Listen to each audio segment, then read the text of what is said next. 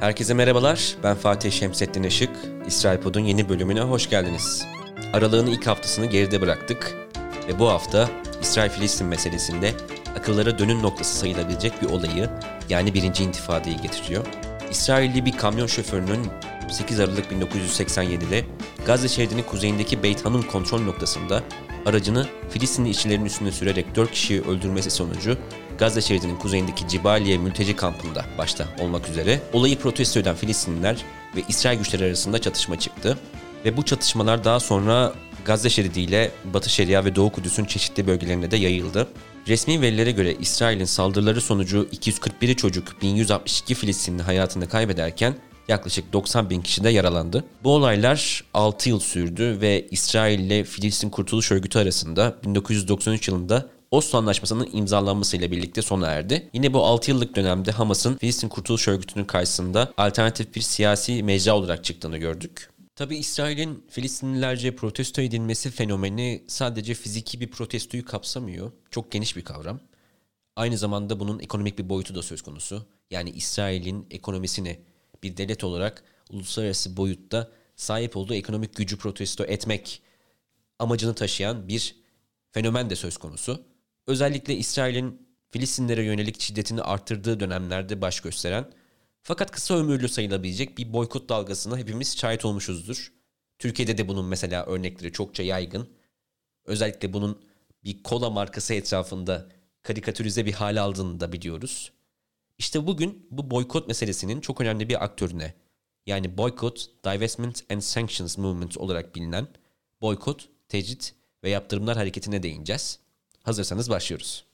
Bu yıl 19 Temmuz'da ABD'nin Vermont kentinde merkezi bulunan ünlü bir dondurma şirketi olan Ben Jerry's, işgal altındaki Filistin topraklarında bulunan İsrail yerleşimlerinde dondurma satışını durduracağını duyurdu. Şirket, Ben Jerry's dondurmasının işgal altındaki Filistin topraklarında satılmasının değerlerimizde tutarsız olduğuna inanıyoruz, dedi. Bu kararın özellikle Vermont kentinde bulunan Filistin yanlısı aktivistlerin 2011'den bu yana sürdürdüğü bir kampanya sonucu olduğunu da hatırlatmak gerekiyor. Nitekim şirketin bu kararını Filistin yanlısı aktivistler memnuniyetle karşıladı. Tabi İsrail yetkililer de dondurma markasının bu kararını şiddetle kınayarak markanın antisemitizme ve İsrail karşıtlığına teslim olduğunu söyledi. Boykotlar İsrail kurulduğundan bu yana Filistinlerin İsrail'e karşı hep bir meydan okuma yöntemi ola geldi.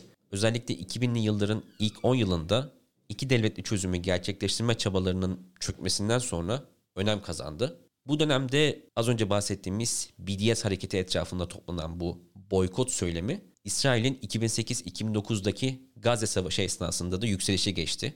Ve Filistin yanlısı birçok aktivist ve önde gelen entelektüel isimler mesela Başpiskopos Desmond Tutu, Ilan Pape, Richard Falk, Rashid Khalidi, Judith Butler gibi isimler de bu boykot hareketine destek vermeye başladı. Burada tabii hareketin ortaya çıkışında şunu değinmek lazım. 1990'ların sonunda iki devlet çözüm bulma çabalarının çökmesinden bahsettik. Ve bu hayal kırıklığıyla birlikte tabii Batı Şeria'da devam eden İsrail'in yerleşim faaliyetleri bu sürecin aşılmasını da hızlandırdı. Filistinler de doğal olarak bu olaylara ikinci intifada ile bir tepki verirken bu arada Filistin Kurtuluş Örgütü ile diğer Filistinli örgütlerin Hamas ve İslami Cihat gibi liderlik konusundaki rekabeti de ve Filistin liderliği etrafındaki bozulmaya da ortaya çıktığını söyleyebiliriz. Filistin siyasi liderliğinde çıkan bu güç boşluğuyla birlikte Filistinliler ve Filistin diasporası da alternatif çözümlere başvurmak zorunda kaldı. Tüm bu olaylar esnasında tabi birçok Filistin yanlısı sivil toplum kuruluşu aramcı politikaları sonucu İsrail'i bir apartheid devleti olarak ilan etmişti. Tabi bunda 2001'deki Güney Afrika'nın Durban kentinde düzenlenen ırkçılığa karşı Dünya Konferansı'nın da tesiri söz konusu. Bu konferans sonrası İsrail'e karşı bir strateji olarak boykotun benimsenmesi gerektiği de beyan edilmişti ve İsrail'e karşı bu boykotu benimseyen sivil toplum girişimlerinin de destek verileceği açıklanmıştı. Tüm bu girişimlerin sonucu olarak BDS hareketi de 7 Temmuz 2005'te 170 Filistinli sivil toplum örgütü tarafından imzalanan bir çağrıyla doğdu. O zamana kadar süre gelen devletler arası bir çözümden ziyade daha sivil toplum yanlısı bir çözüm öncelediğini açıkladı ve hareketin üç yönlü bir stratejisi olduğunu söyledi. Birincisi, uluslararası toplumu İsrail mallarını boykot ederek İsrail'e karşı harekete geçirmeye çağırmak. İkincisi, yatırımlarının Filistinlilerin haklarını ihlal edecek şekilde kullanılmamasını sağlamak için şirketleri hedeflemek. Üçüncüsü insanları İsrail'in uluslararası hukuk ihlalleri konusunda eğitmek. Nitekim bu kampanyasının sonucu olarak BDS hareketi İsrail işgalini desteklediği düşünülen çok uluslu şirketleri hedef aldı. Bunlardan bazıları çok tanınan şirketler mesela Motorola gibi, HP gibi, Puma gibi ya da işte Caterpillar, Unilever gibi şirketler Güney Afrika'daki apartheid karşıtı hareketin başarısından mülhem hareket eden bu BDS hareketinin temelde üç hedefi söz konusu. Birincisi İsrail işgaline ve tüm Arap topraklarının sömürgeleşmesine, kolonizasyonuna son vermek ve işgal edilen sömürge duvarını yıkmak. İkincisi, İsrail'in Arap-Filistin vatandaşlarının tam eşit haklarını tanıması. Üçüncüsü, Filistinli mültecilerin geri dönüş hakkını korunması ve teşvik etmesi. Hareketin İsrail'in Filistinlere yönelik bakış açısını da çokça irdelediğini söyleyebiliriz. Her şeyden önce İsrail'i bu hareket bir yerleşimci, sömürge devleti olarak tanımlıyor. Bu bağlamda destekçileri öncelikle solcu ve ilerici bir, progresif bir söylem kullanarak Güney Afrika'daki apartheid deneyimine de sıklıkla atıfta bulunuyor. Hareketin destekçileri İsrail'in gayrimeşru olduğunu çünkü dünyanın sömürgesizleşmeye doğru ilerlediği bir dönemde adeta emperyalist bir Avrupalı yerleşimci sömürgeciliğini temsil ettiğini söylüyor. Hareketin İsrail'in meşruiyetini hedef aldığını ve uluslararası hukukla akademik özgürlüğü ihlal ettiğini belirten bir söyleme sahip olduğunu söyleyebiliriz. Örneğin hareketin kurucularından biri olan Ömer Barghouti, BDS'in Filistin haklarını ve uluslararası hukuku ihlal eden sömürgeci bir güç olarak İsrail'e katı bir şekilde yöneldiğini söylüyor. Aynı zamanda bu söylemiyle birlikte BDS, Batı'da özellikle akademi içindeki liberal bir kitleye de hitap etmeye amaçlıyor. Tabii ki İsrail-Filistin ihtilafında boykot ilk defa gerçekleşmiyor ve bunun çok uzun bir geçmişi de söz konusu. Fakat BDS hareketini diğer emsallerinden farklı kılan şey ise İsrail'i politikalarını değiştirmeye nasıl zorlayabileceğine odaklanması ve devlet merkezi bir çözümden uzak tamamen sivil toplum odaklı bir bakış açısıyla hareket etmesi.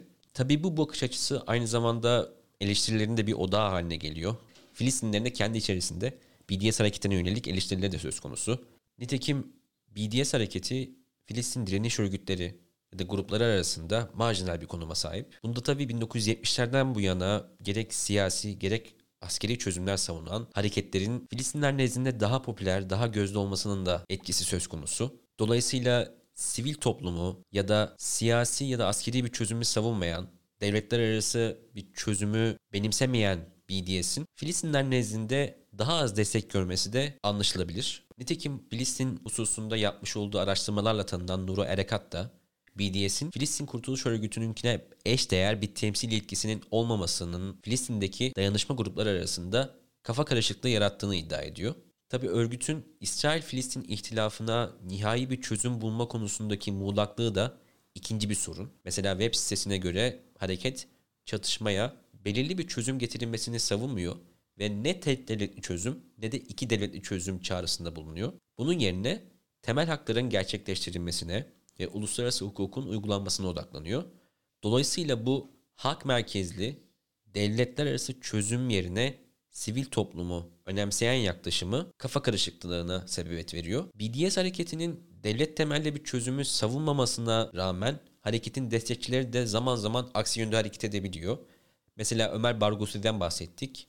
Hareketin kurucularından birisi olmasına rağmen özellikle elektronik intifada ile tanınan Ali Abu Nima'nın 2007'de yapmış olduğu tek devletli çözüm çağrısının da destekçilerinden birisi olduğu biliniyor. Ve bu çağrının altına da imzasını atmıştı mesela. Yine BDS hareketini eleştirenlerden birisi de marjinal tavrıyla tanıdığımız Norman Finkelstein. Bu kampanyanın anlamsız olduğunu belirten Finkelstein şöyle belirtiyor. İsrail sorununda agnostik bir tavır sergilerseniz geniş bir kitleye ulaşamazsınız. Halk nerede durduğunuzu bilmek istiyor ve eğer bir duruşunuzun olmadığını iddia ederseniz onları kaybedersiniz. Yani kısacası hareketin hedefinin İsrail işgali mi yoksa İsrail devletinin bizatihi kendisi mi olduğu hala bir tartışma konusu. Fakat bununla birlikte kurulduğu günden bu yana hareket İsrail-Filistin çatışmasını ve bunların etrafındaki tartışmaları da dönüştürdü. Böylelikle İsrail BDS hareketini ciddi bir meydan okuma olarak görmeye başladı ve yerel ya da uluslararası platformlarda BDS karşıtı bir kampanya başlattı. Mesela Temmuz 2011'de İsrail parlamentosu Knesset boykotu desteklemeyi bir suç haline getiren yasa çıkardı. Yani boykota destek veren İsrailliler bu kapsamda suçlu sayıldı. 2015'te bu yasa revize edildi ve 2017'de İsrailli veya yerleşim yerlerini bu sefer kapsayacak şekilde boykot etmeye destekleyen yabancıların ülkeye girişinin yasaklandığına dair bir yasa çıkarıldı. Bu yasanın bir sonucu olarak iki ABD kongre üyesi Filistin asıllı Rashida Tlaib'in ve İlhan Omar'ın BDS'e verdikleri destekten ötürü 2019'da İsrail'e girişlerine izin verilmedi. İsrail ayrıca sivil toplum faaliyetleri yoluyla da BDS'e karşı bir çaba sarf ediyor. Bu amaçla mesela Netanyahu'nun başbakanlığı döneminde kurulan bir bakanlık bile mevcut. Stratejik İşler ve Kamu Diplomasisi Bakanlığı. Bu bakanlık 2015 yılında faaliyete geçti ve 2017'de BDS'e karşı faaliyetler için 3 yıllık bir bütçe kapsamında 128 milyon şekel yani 37 milyon doları da tahsis etti. Bu bütçe İsrail medya kuruluşlarına BDS aleyhine raporlar hazırlamaları ve BDS karşıtı temalara sahip konferanslar düzenlemeleri için de verildi. Tabi tüm bunların yanında İsrail'in BDS'e karşı kullandığı en etkili silahın kendisinin antisemitik bir kuruluş olduğunu iddia etmesi. Bu suçlama özellikle Uluslararası Holocaust Anma İttifakı'nın İsrail yetkilileri tarafından da yaygın olarak kabul edilen ve 2016'dan beri dünya çapında yaygınlaştırılan antisemitizm tanımını da benimsemesiyle alakalı olduğunu söyleyebiliriz. Bu tanıma göre antisemitizmin retorik ve fiziksel tezahürleri Yahudi topluluğu olarak tasarlanan İsrail devletinin hedef alınmasını içerebilir.